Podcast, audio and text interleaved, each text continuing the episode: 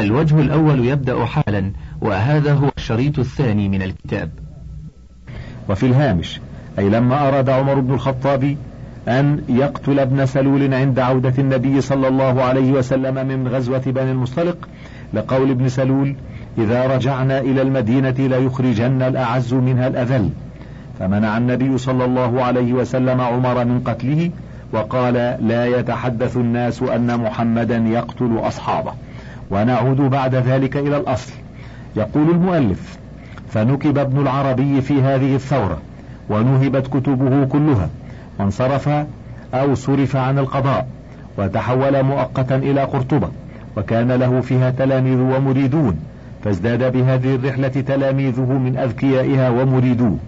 وكان من حكمة الله في هذه النازلة أن تفرغ ابن العربي للعلم وواصل إكمال مؤلفاته الكبيرة وقد آن لنا أن نشير إلى تراثه العلمي فمن مؤلفاته أولا أنوار الفجر في تفسير القرآن ألفه في عشرين سنة وبلغ ثمانين ألف ورقة أي مئة ألف وستين ألف صفحة.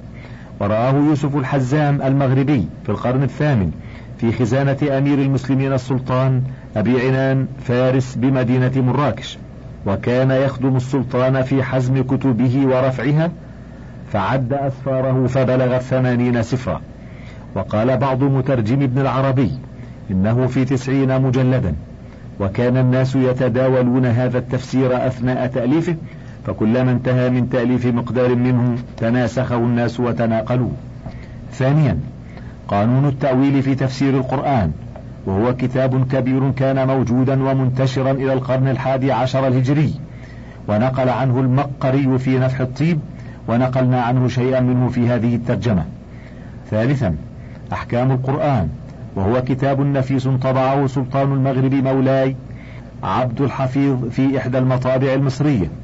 رابعا الناسخ والمنسوخ في القرآن. خامسا كتاب المشكلين مشكل الكتاب ومشكل السنة. سادسا كتاب النيرين في الصحيحين. سابعا القبس في شرح موطأ مالك بن أنس وهو من أواخر مؤلفاته ذكر فيه تفسيره أنوار الفجر. ثامنا ترتيب المسالك في شرح موطأ مالك. تاسعا عارضة الأحوذي في شرح الترمذي وهو من أول مؤلفاته. ويقول الحافظ ابن عساكر إنه بدأ بتأليفه في منقلبه إلى المغرب عائدا من رحلته الكبرى. وقد اطلعنا على مخطوطة منه في مكتبة جمعية الهداية الإسلامية. جاء بها من المغرب صديقنا العلامة الجليل السيد محمد الخضر حسين. العاشر شرح حديث جابر في الشفاعة.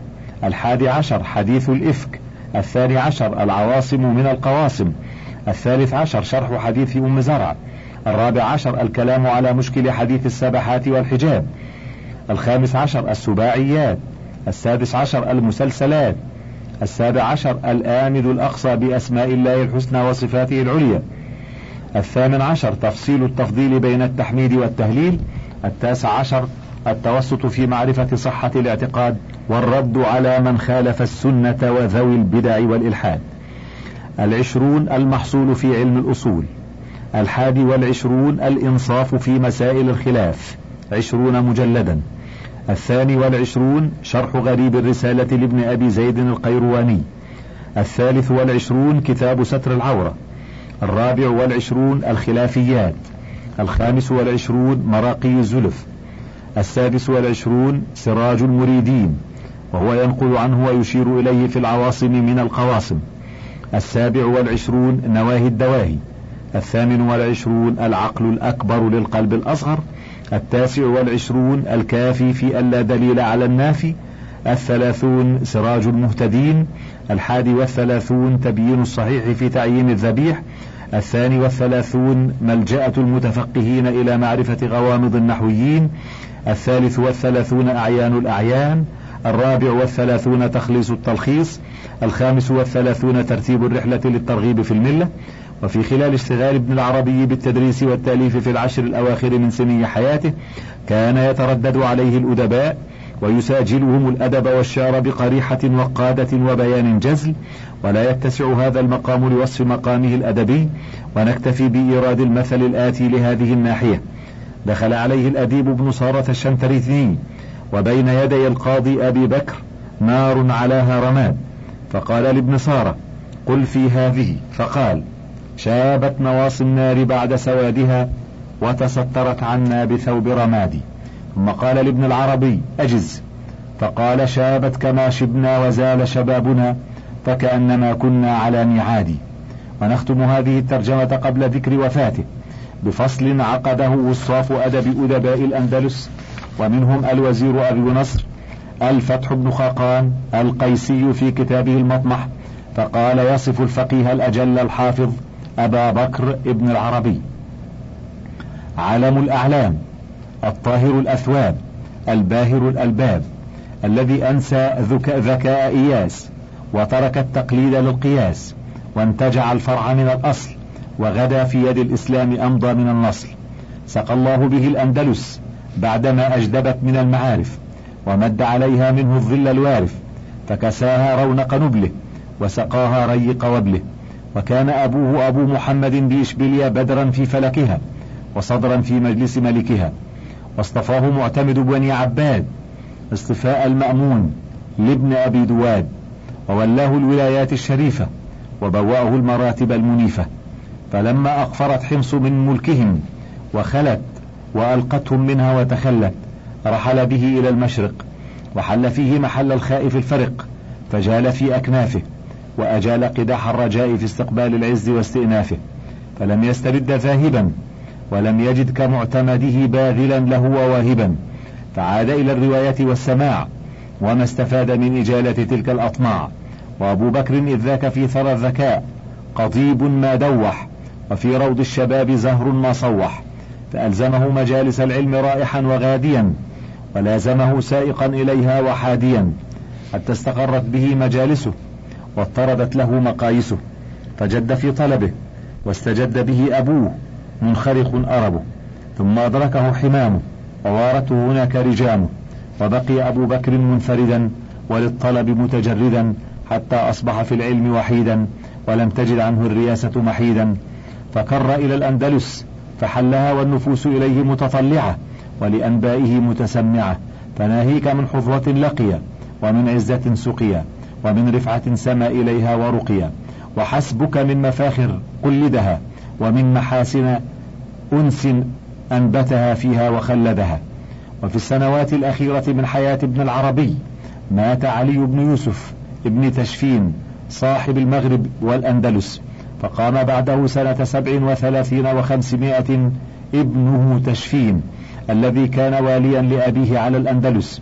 وفي زمنه استفحلت دعوة الموحدين التي كان دعا إليها ابن تومرد مدعي المهدوية فتولاها بعده صنيعته عبد المؤمن بن علي وتغلب عبد المؤمن على المعز تشفين وشرده إلى وهران في غرب الجزائر ثم قتله في وهران في رمضان سنة تسع وثلاثين وخمسمائة وحاصر أخاه إسحاق بن علي بن يوسف بن تشفين في مراكش سنة أربعين بعد الخمسمائة مدة تسعة أشهر واستولى عليه وعليها في شوال سنة إحدى وأربعين وخمسمائة فانقرضت دولة المرابطين أو الملثمين بعد أن حكمت إحدى وأربعين ومائة سنة. وهكذا شهد ابن العربي سقوط دولة آل عباد على يد يوسف بن تشفين في أول شبابه ثم شاهد سقوط دولة بني تشفين على يد عبد المؤمن بن علي صاحب دولة الموحدين في أواخر شيخوخته. وعقب ذلك أخذت وفود مدائن الأندلس تفد على مراكش طالبة من عبد المؤمن الاستيلاء على بلادهم من بقايا المرابطين وحضر في سنة اثنتين وأربعين وخمسمائة وفد إشبيلية برئاسة عظيمها وكبير علمائها الإمام أبي بكر بن العربي. ولسبب غامض لا نعرفه إلى الآن حبس عبد المؤمن هذا الوفد في مراكش نحو عام. ثم سرحوا فأدركته منيته منصرفه من مراكش في موضع يسمى أغلان على مسيرة يوم من فاس غربا منها فاحتمل ميتا إلى فاس في اليوم الثاني من موته. وصلى عليه صاحبه أبو الحكم بن حجاج ودفن في يوم الأحد السابع من ربيع الأول سنة ثلاث وأربعين وخمسمائة خارج باب المحروق أعلى مدينة فاس بتربة القائد مظفر رحمه الله وأعلى مقامه في دار الخلود. أصحاب رسول الله صلى الله عليه وسلم عدول بتعديل الله ورسوله لهم ولا ينتقص أحدا منهم إلا زنديق. عقد الإمام الحافظ المحدث أبو بكر أحمد بن علي بن ثابت الخطيب البغدادي الذي عاش من سنة اثنتين وتسعين وثلاثمائة إلى سنة ثلاث وستين وأربعمائة فصلا نفيسا في كتابه الكفاية الذي طبعه صاحب السمو نظام حيدر أباد الدكن بالهند سنة سبع وخمسين وثلاثمائة وألف في الصفحة السادسة والأربعين إلى التاسعة والأربعين. واعتمده شيخ الإسلام الإمام الحافظ قاضي قضاة مصر شهاب الدين أحمد بن حجر العسقلاني الذي عاش من السنة الثالثة والسبعين بعد السبعمائة إلى السنة الثانية والخمسين بعد الثمانمائة في مقدمة كتابه الإصابة الذي طبعه في مصر سلطان المغرب مولاي عبد الحفيظ سنة ثمان وعشرين وثلاثمائة وألف في الجزء الأول في الصفحة العاشرة إلى الحادية عشرة ونحن نقتطف منه ما يلي. عدالة الصحابة ثابتة معلومة بتعديل الله لهم وإخباره عن طهارتهم واختياره لهم في نص القرآن. فمن ذلك قول الله تعالى كنتم خير أمة أخرجت للناس وقوله وكذلك جعلناكم أمة وسطا لتكونوا شهداء على الناس ويكون الرسول عليكم شهيدا. وقوله لقد رضي الله عن المؤمنين إذ يبايعونك تحت الشجرة فعلم ما في قلوبهم فأنزل السكينة عليهم وأثابهم فتحا قريبا وقوله تعالى والسابقون الأولون من المهاجرين والأنصار والذين اتبعوهم بإحسان رضي الله عنهم ورضوا عنه. وقوله تعالى والسابقون السابقون أولئك المقربون في جنات النعيم. وقوله تعالى يا أيها النبي حسبك الله ومن اتبعك من المؤمنين. وقوله تعالى للفقراء المهاجرين الذين أخرجوا من ديارهم وأموالهم يبتغون فضلا من الله ورضوانا وينصرون الله ورسوله. أولئك هم الصادقون. والذين تبوأوا الدار والإيمان من قبلهم يحبون من هاجر إليهم ولا يجدون في صدورهم حاجة مما أوتوا ويؤثرون على أنفسهم ولو كان بهم خصاصة. ومن يوق شح نفسه فأولئك هم المفلحون. ووصف رسول الله صلى الله عليه وسلم الصحابة مثل ذلك وأطنب في تعظيمهم وأحسن الثناء عليهم فمن الأخبار المستفيضة عنه في هذا المعنى حديث عبد الله بن مسعود أن النبي صلى الله عليه وسلم قال: خير أمتي قرني ثم الذين يلونهم ثم الذين يلونهم ثم يجيء قوم تسبق أيمانهم شهادتهم ويشهدون قبل أن يستشهدوا. رواه أبو هريرة وعمران بن حسين أيضا. وحديث أبي سعيد الخدري قال قال رسول الله صلى الله عليه وسلم لا تسبوا أصحابي فوالذي نفسي بيده لو أنفق أحدكم مثل أحد ذهبا ما أدرك مد أحدهم ولا نصيفة. وحديث ابن عباس عن رسول الله صلى الله عليه وسلم مهما أوتيتم من كتاب الله فالعمل به لا عذر لأحدكم في تركه. فإن لم يكن في كتاب الله فسنة مني ماضية. فإن لم يكن سنة مني ماضية فما قال أصحابي. إن أصحابي بمنزلة النجوم في السماء. فأيها أخذتم به اهتديتم واختلاف أصحابي لكم رحمة.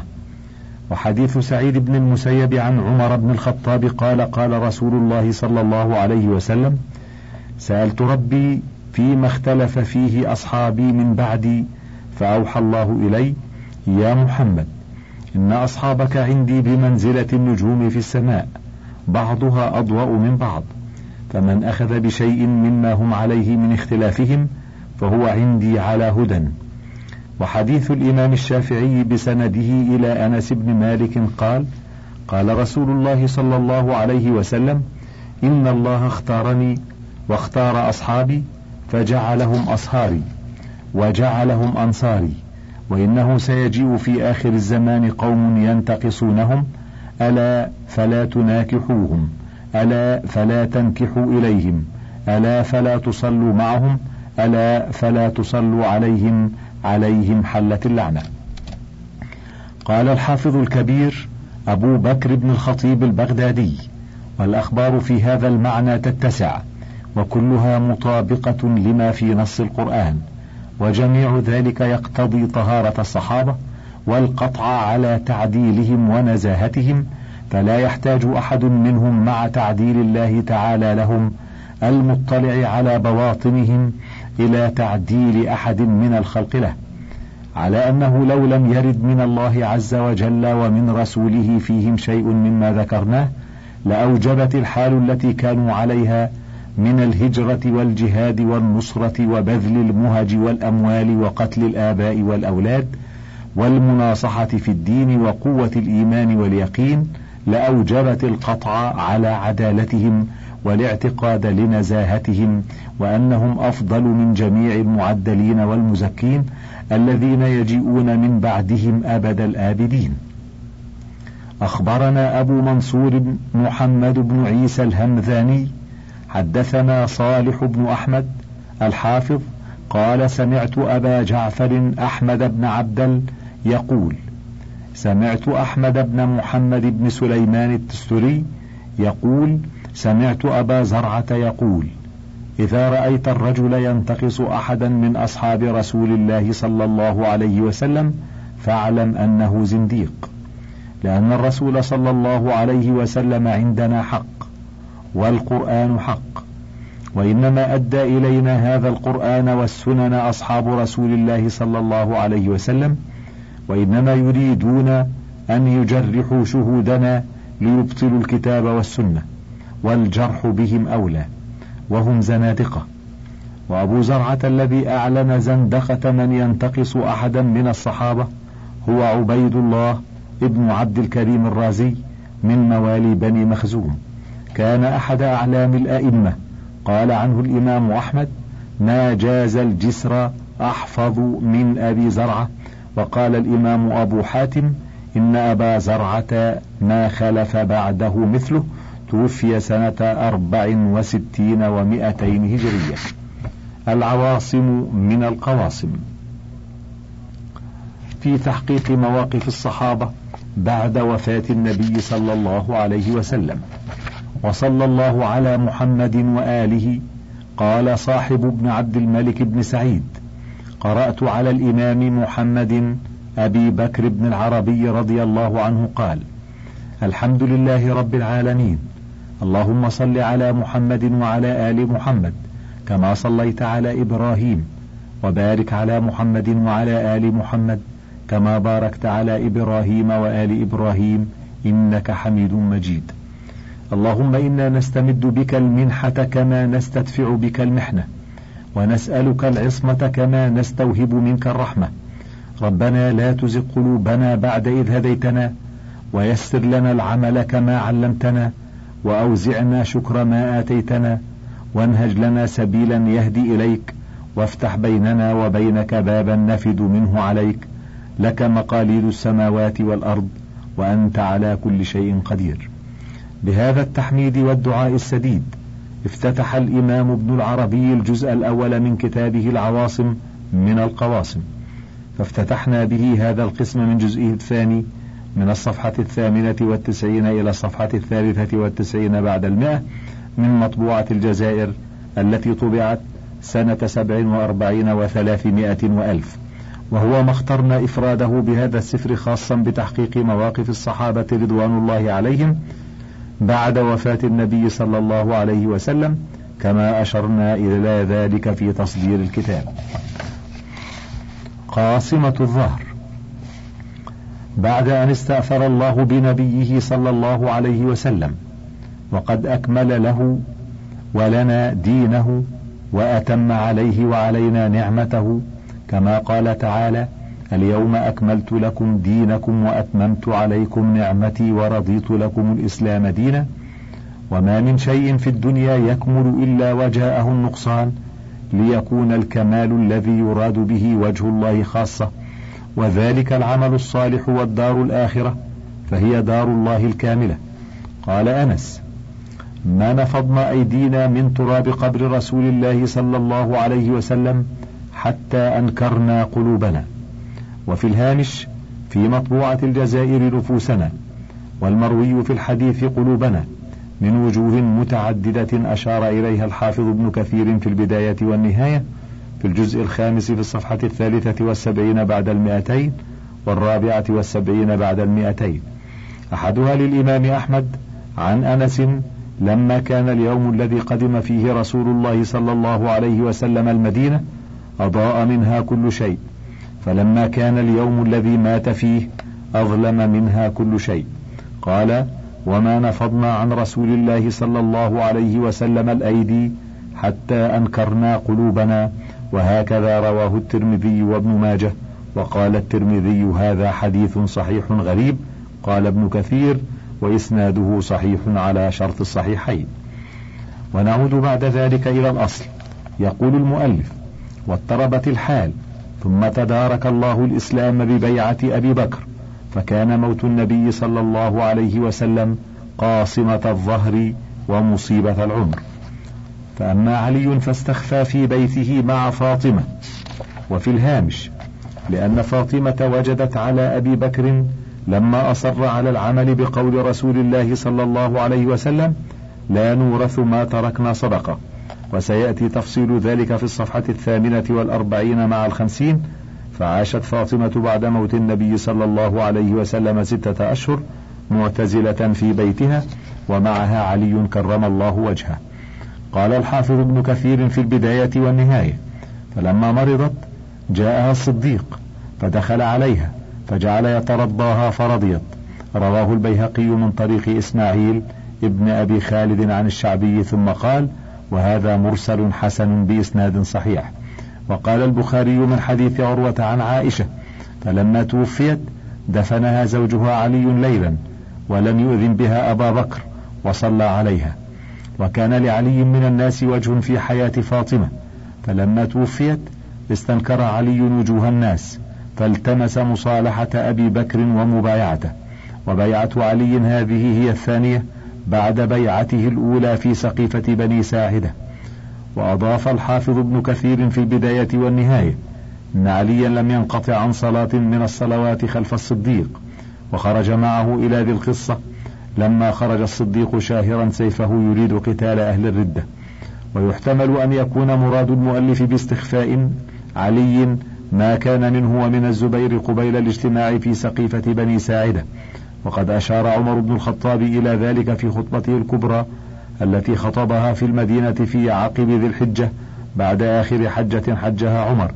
وهذه الخطبة في مسند الإمام أحمد في الجزء الأول في الصفحة الخامسة والخمسين من الطبعة الأولى وفي الجزء الأول في رقم إحدى وتسعين وثلاثمائة في الطبعة الثانية من حديث ابن عباس. ونعود بعد ذلك إلى الأصل. يقول فأما علي فاستخفى في بيته مع فاطمة وأما عثمان فسكت وأما عمر فأهجر. وقال ما مات رسول الله صلى الله عليه وسلم وإنما واعده الله كما واعد موسى. ولا يرجعن رسول الله صلى الله عليه وسلم فلا يقطعن أيدي ناس وأرجلهم.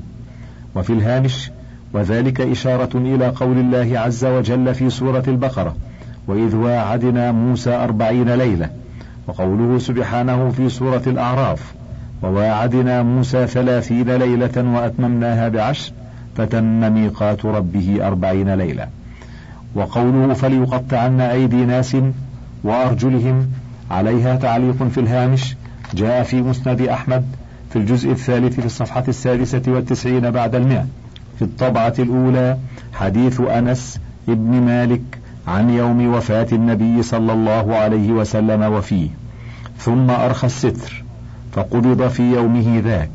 فقام عمر فقال إن رسول الله صلى الله عليه وسلم لم يمت ولكن ربه أرسل إليه كما أرسل إلى موسى فمكث عن قومه أربعين ليلة وإني لأرجو أن يعيش رسول الله صلى الله عليه وسلم حتى يقطع أيدي رجال من المنافقين وألسنتهم يزعمون أو قال يقولون إن رسول الله صلى الله عليه وسلم قد مات.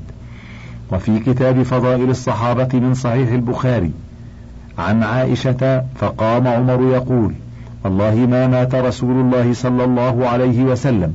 والله ما كان يقع في نفسي إلا ذاك. ولا يبعثنه الله فليقطعن أيدي رجال وأرجلهم.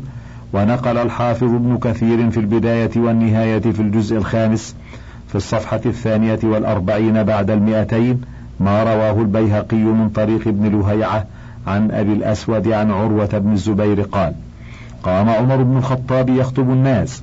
ويتوعد من قال مات بالقتل والقطع ويقول إن رسول الله صلى الله عليه وسلم في غشية. لو قد قام قتل وقطع. وفي الجزء الخامس في الصفحة الحادية والأربعين بعد البيئتين من البداية والنهاية من حديث عائشة. وهي تذكر الساعة التي توفي فيها رسول الله صلى الله عليه وسلم فجاء عمر والمغيرة بن شعبة فاستأذنا فأذنت لهما ثم قام فلما دنوا من الباب قال المغيرة يا عمر مات رسول الله صلى الله عليه وسلم. فقال عمر كذبت بل أنت رجل نحوسك أي تخالطك فتنة إن رسول الله صلى الله عليه وسلم لا يموت حتى يفني الله المنافقين. ثم جاء أبو بكر وخرج إلى المسجد وعمر يخطب الناس. ويقول إن رسول الله صلى الله عليه وسلم لا يموت حتى يفني الله المنافقين. ومعنى أهجر خلط في كلامه وهذا وأكثر الكلام فيما لا ينبغي. وذلك من هول ما وقع في نفس عمر من هذا الحادث العظيم فهو لا يكاد يصدقه. ونعود إلى الأصل.